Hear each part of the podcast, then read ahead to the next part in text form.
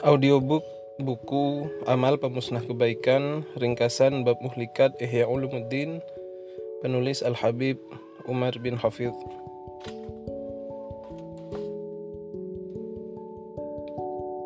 Penyakit ketujuh berkata kotor dan mencaci. Rasulullah Shallallahu Alaihi Wasallam bersabda jauhilah kata-kata kotor Sesungguhnya Allah Subhanahu wa taala tidak menyukai ucapan kotor dan kesengajaan mengucapkan kata kotor. Bahkan Rasulullah wasallam melarang para sahabatnya mencaci orang-orang musyrik yang terbunuh dalam perang Badar. Beliau mengatakan, "Jangan kalian caci mereka karena cacian yang kalian ucapkan tidak akan sampai kepada mereka." Cacian kalian bisa saja menyakiti orang-orang yang masih hidup. Ingatlah, mencaci adalah perbuatan yang tercela. Beliau Shallallahu Alaihi Wasallam juga bersabda, orang mukmin bukanlah orang yang suka mencaci, melaknat, melakukan atau mengatakan hal yang keji maupun suka berkata kotor. Diriwayatkan dari Jabir bin Samurah bahwa Rasulullah Shallallahu Alaihi Wasallam pernah bersabda, Sesungguhnya berkata keji dan menampakkan kekejian sama sekali bukan termasuk Islam. Adapun orang yang paling baik keislamannya adalah orang yang paling baik budi pekertinya. Ahnaf, Ahnaf bin Qais mengatakan, Maukah kalian kuberitahukan penyakit yang paling ganas? Yaitu lisan yang senantiasa mencaci dan akhlak yang rendah. Yang dimaksud dengan berkata keji, fuhush, adalah mengungkapkan sesuatu yang dianggap kotor dengan ungkapan yang terang benderang. Orang-orang saleh membersihkan lisan mereka dari ungkapan kotor dan menyebutnya dengan isyarat. Ibnu Abbas mengatakan, sesungguhnya Allah maha malu dan maha mulia.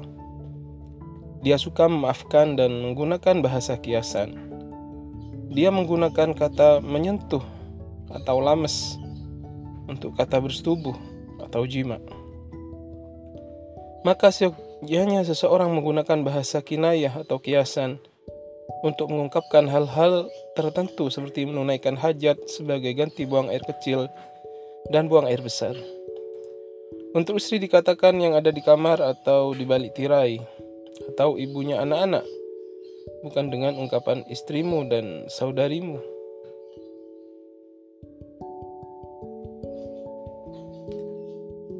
Al-Ala bin Harun mengatakan, Umar bin Abdul Aziz sangat berhati-hati dalam berbicara. Suatu ketika, ada nanah keluar dari bawah ketiaknya. Lantas kami mendatang, mendatanginya untuk mengetahui apa gerangan yang akan ia katakan. Dari mana nanah itu keluar? Ia menjawab, dari tangan bagian dalam. Seorang badui berkata kepada Rasulullah, "Nasihatilah aku." Rasulullah pun mengatakan, "Hendaknya engkau bertakwa kepada Allah." Jika ada orang yang mencaci sesuatu yang ada pada dirimu, janganlah engkau mencaci apa yang ada pada dirinya. Maka bagi orang yang mencelamu keburukan dan bagimu pahala. Jangan pula engkau mencela sesuatu. Rasulullah SAW pernah bersabda,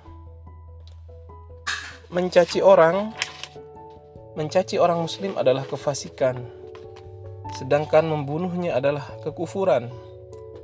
Dalam hadis yang lain dinyatakan, terkutuklah orang yang mencaci kedua orang tuanya. Dalam redaksi yang lain, salah satu dosa terbesar ialah dosa yang memaki orang tuanya. Beberapa sahabat bertanya, "Wahai Rasul, bagaimana mungkin seseorang memaki orang tuanya?" Rasulullah menjawab, "Ia memaki orang tua seseorang, lalu seseorang tersebut membalas dengan memaki orang tuanya." Penyakit kedelapan melaknat atau mengutuk. Melaknat termasuk perbuatan yang tercela baik melaknat binatang, benda mati, apalagi manusia. Dalam hal ini Rasulullah Wasallam bersabda, Seorang mukmin itu bukan orang yang suka mengutuk. Uzaifah berkata, kaum yang saling mengutuk pasti akan menanggung akibat ucapannya. Imran bin Husain berkata, ketika Rasulullah Wasallam dalam perjalanan, tiba-tiba beliau bertemu dengan wanita Ansor yang berada di atas untanya. Karena merasa kesal terhadap untanya, wanita itu mengutuknya. Lalu Rasulullah Wasallam bersabda, ambillah sesuatu yang berada di atas unta itu, lalu lepaskan pelananya, karena unta itu telah terkutuk. Imran bin Hussein berkata, Aku melihat unta itu sedang berjalan-jalan di tengah manusia. Tidak ada seorang pun yang mengganggunya. Rasulullah Shallallahu Alaihi Wasallam bersabda, para pengutuk itu tidak dapat menjadi orang yang bisa memberi syafaat dan menjadi saksi pada hari kiamat. Anas radhiyallahu anhu berkata, ada seseorang bersama Rasulullah Shallallahu Alaihi Wasallam di atas untanya. Tiba-tiba lelaki itu mengutuk untanya. Maka beliau berkata, "Wahai hamba Allah, engkau jangan ikut bersama kami di atas unta yang terkutuk ini." Ada tiga golongan yang pantas mendapatkan kutukan, yaitu satu pelaku kekufuran, dua pelaku bid'ah, tiga pelaku kefasikan. Tingkatan kutukan itu juga dibagi atas tiga bagian. Tingkatan pertama, mengutuk secara umum. Seperti ucapanmu, semoga Allah mengutuk orang-orang kafir, para pelaku bid'ah dan orang-orang fasik. Tingkatan kedua, mengutuk dengan sifat yang lebih khusus. Misalnya, ucapan seseorang, semoga Allah mengutuk orang Yahudi, orang Nasrani, orang Majusi, golongan Khawarij, Rawafid, Qadariyah, pelaku kezaliman, dan para pemakan riba.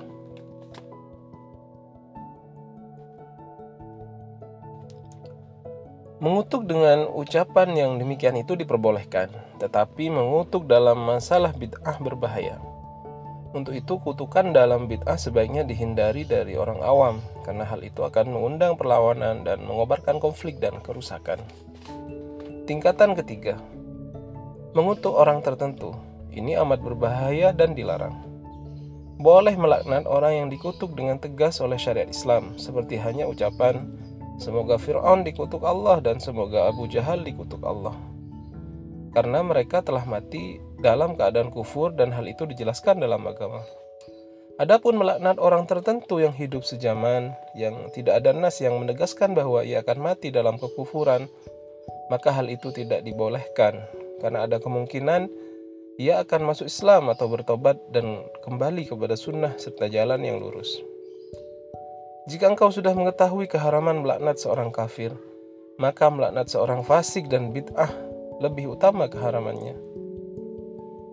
Tatkala salah seorang sahabat ada yang beberapa kali dicambuk karena meminum khamr, sebagian sahabat berkata, "Semoga Allah mengutuknya."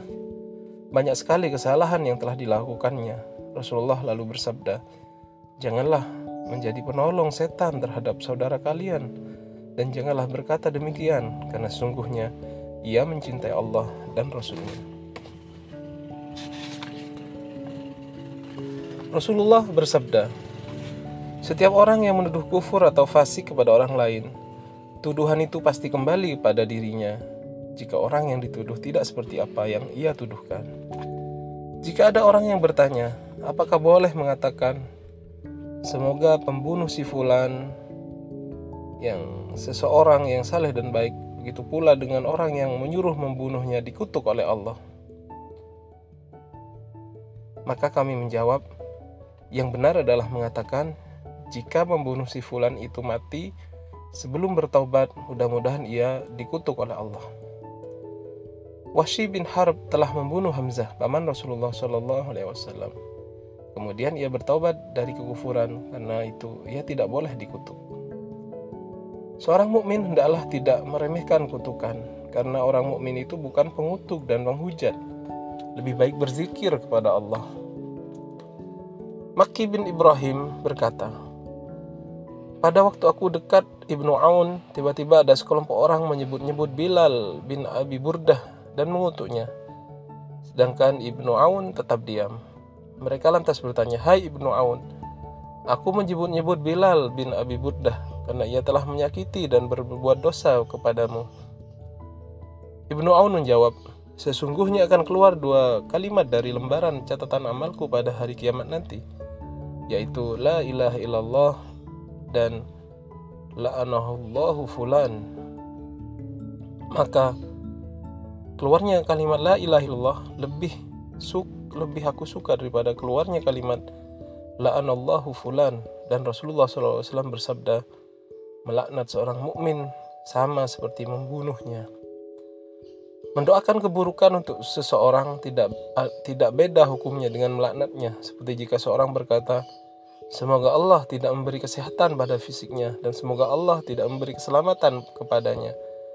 Dan ucapan-ucapan lain seperti itu. Sesuatu yang mendekati kutukan adalah mendoakan keburukan kepada seorang. Seperti doa, semoga Allah tidak menyehatkannya dan semoga Allah tidak menyelamatkannya atau doa-doa sejenis dengannya. Penyakit kesembilan Nyanyian dan syair yang diharamkan Syair adalah kata-kata yang baiknya adalah baik, yang buruknya adalah buruk. Rasulullah SAW bersabda, penuhnya perut seseorang di antara kalian dan nanah busuk lebih baik daripada penuh dengan syair. Rasulullah SAW bersabda, sungguhnya sebagian dari syair itu mengandung hikmah. Rasulullah SAW pernah menyuruh Hasan bin Thabit al-Ansari mengejek orang-orang kafir dengan syair seraya bersabda, Celalah mereka, sesungguhnya malaikat Jibril ada bersamamu. Aisyah radhiyallahu taala anha berkata, Rasulullah SAW pernah menambal sandalnya. Ketika itu aku sedang duduk sambil memintal. Aku memandang beliau dan dahinya berkeringat dan tampak bercahaya. Aku tercengang melihatnya. Beliau pun memandangku dan berkata, "Mengapa engkau tercengang?" Aku menjawab, "Ya Rasulullah,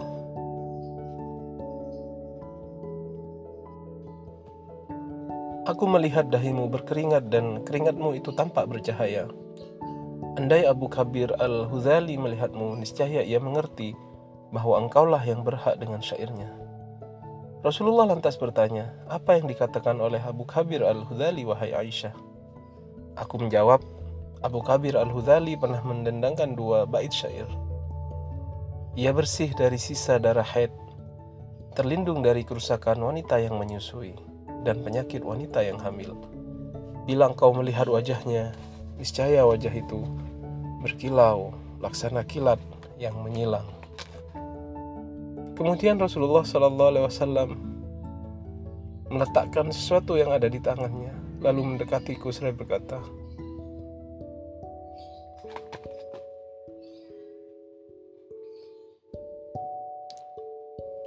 Semoga Allah membalasmu dengan kebaikan, wahai Aisyah. Betapa bahagianya diriku kepadamu, melebihi kebahagiaanmu kepadaku. Penyakit ke-10 bergurau. Di antara penyakit lisan yang perlu diwaspadai adalah bergurau. Gurauan adalah perbuatan tercela dan dilarang. Hanya sedikit gurauan yang diperbolehkan. Dalam hal ini Rasulullah SAW bersabda, "Jangan berbantah dengan saudaramu dan jangan bergurau dengannya." Gurauan yang dilarang adalah gurauan yang berlebihan dan dilakukan dengan terus-menerus karena hal itu hanya menyibukkan diri dengan main-main dan candaan. Gurauan yang berlebihan dapat menimbulkan banyak tertawa, dan banyak tertawa bisa mematikan hati, menimbulkan kedengkian, dan menjatuhkan wibawa.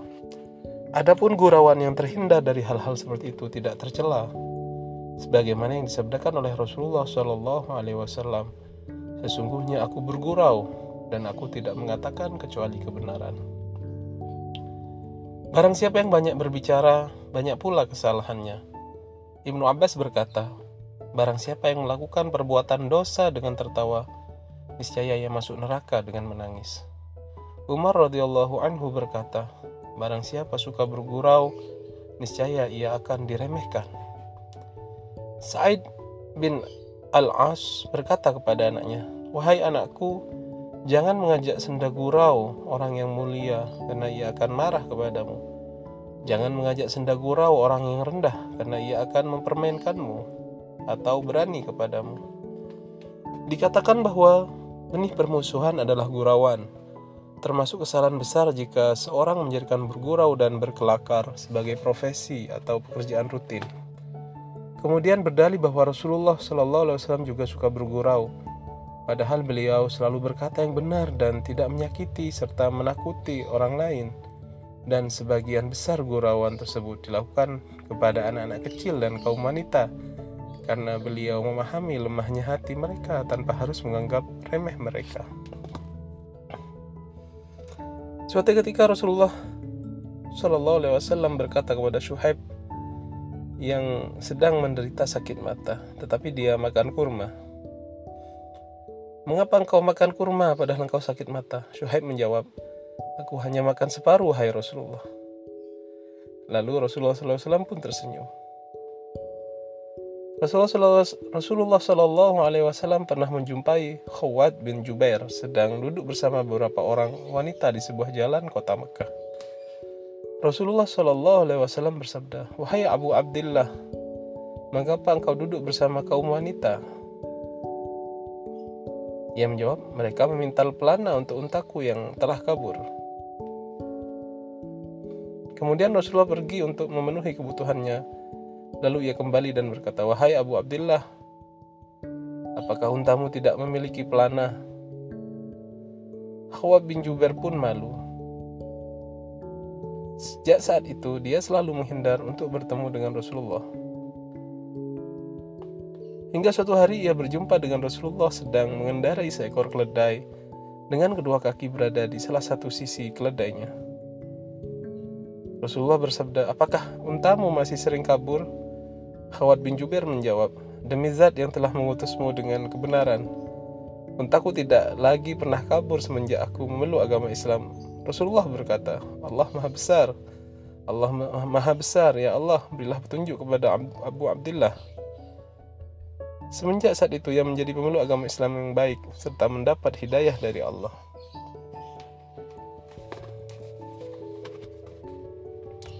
Nuaiman senantiasa menemui pedagang yang masuk ke kota Madinah dan membeli sebagian makanan dagangannya. Kemudian ia membawa kepada Rasulullah Shallallahu Alaihi Wasallam saya berkata, Aku telah membeli makanan ini untukmu dan menghadiahkannya kepadamu. Ketika penjual makanan itu datang untuk meminta bayarannya, maka pedagang itu dibawa menghadap kepada Rasulullah dan berkata, Ya Rasulullah, bayarlah harga makanan itu kepada orang ini. Kata beliau, bukankah engkau menghadiahkannya kepadaku? Jawab Muaiman, Ya Rasulullah, aku tidak punya uang untuk membayar makanan itu. Namun, aku ingin engkau makan makanan pemberianku. Rasulullah tertawa dan menyuruh sahabatnya untuk membayar makanan itu. Gurauan semacam ini dibolehkan asalkan dilakukan dalam sekali waktu dan tidak terus-terusan. Cerita ini diriwayatkan oleh Az-Zubair bin Bakar dalam bab bergurau serta diriwayatkan pula oleh Ibnu Abdul Bar.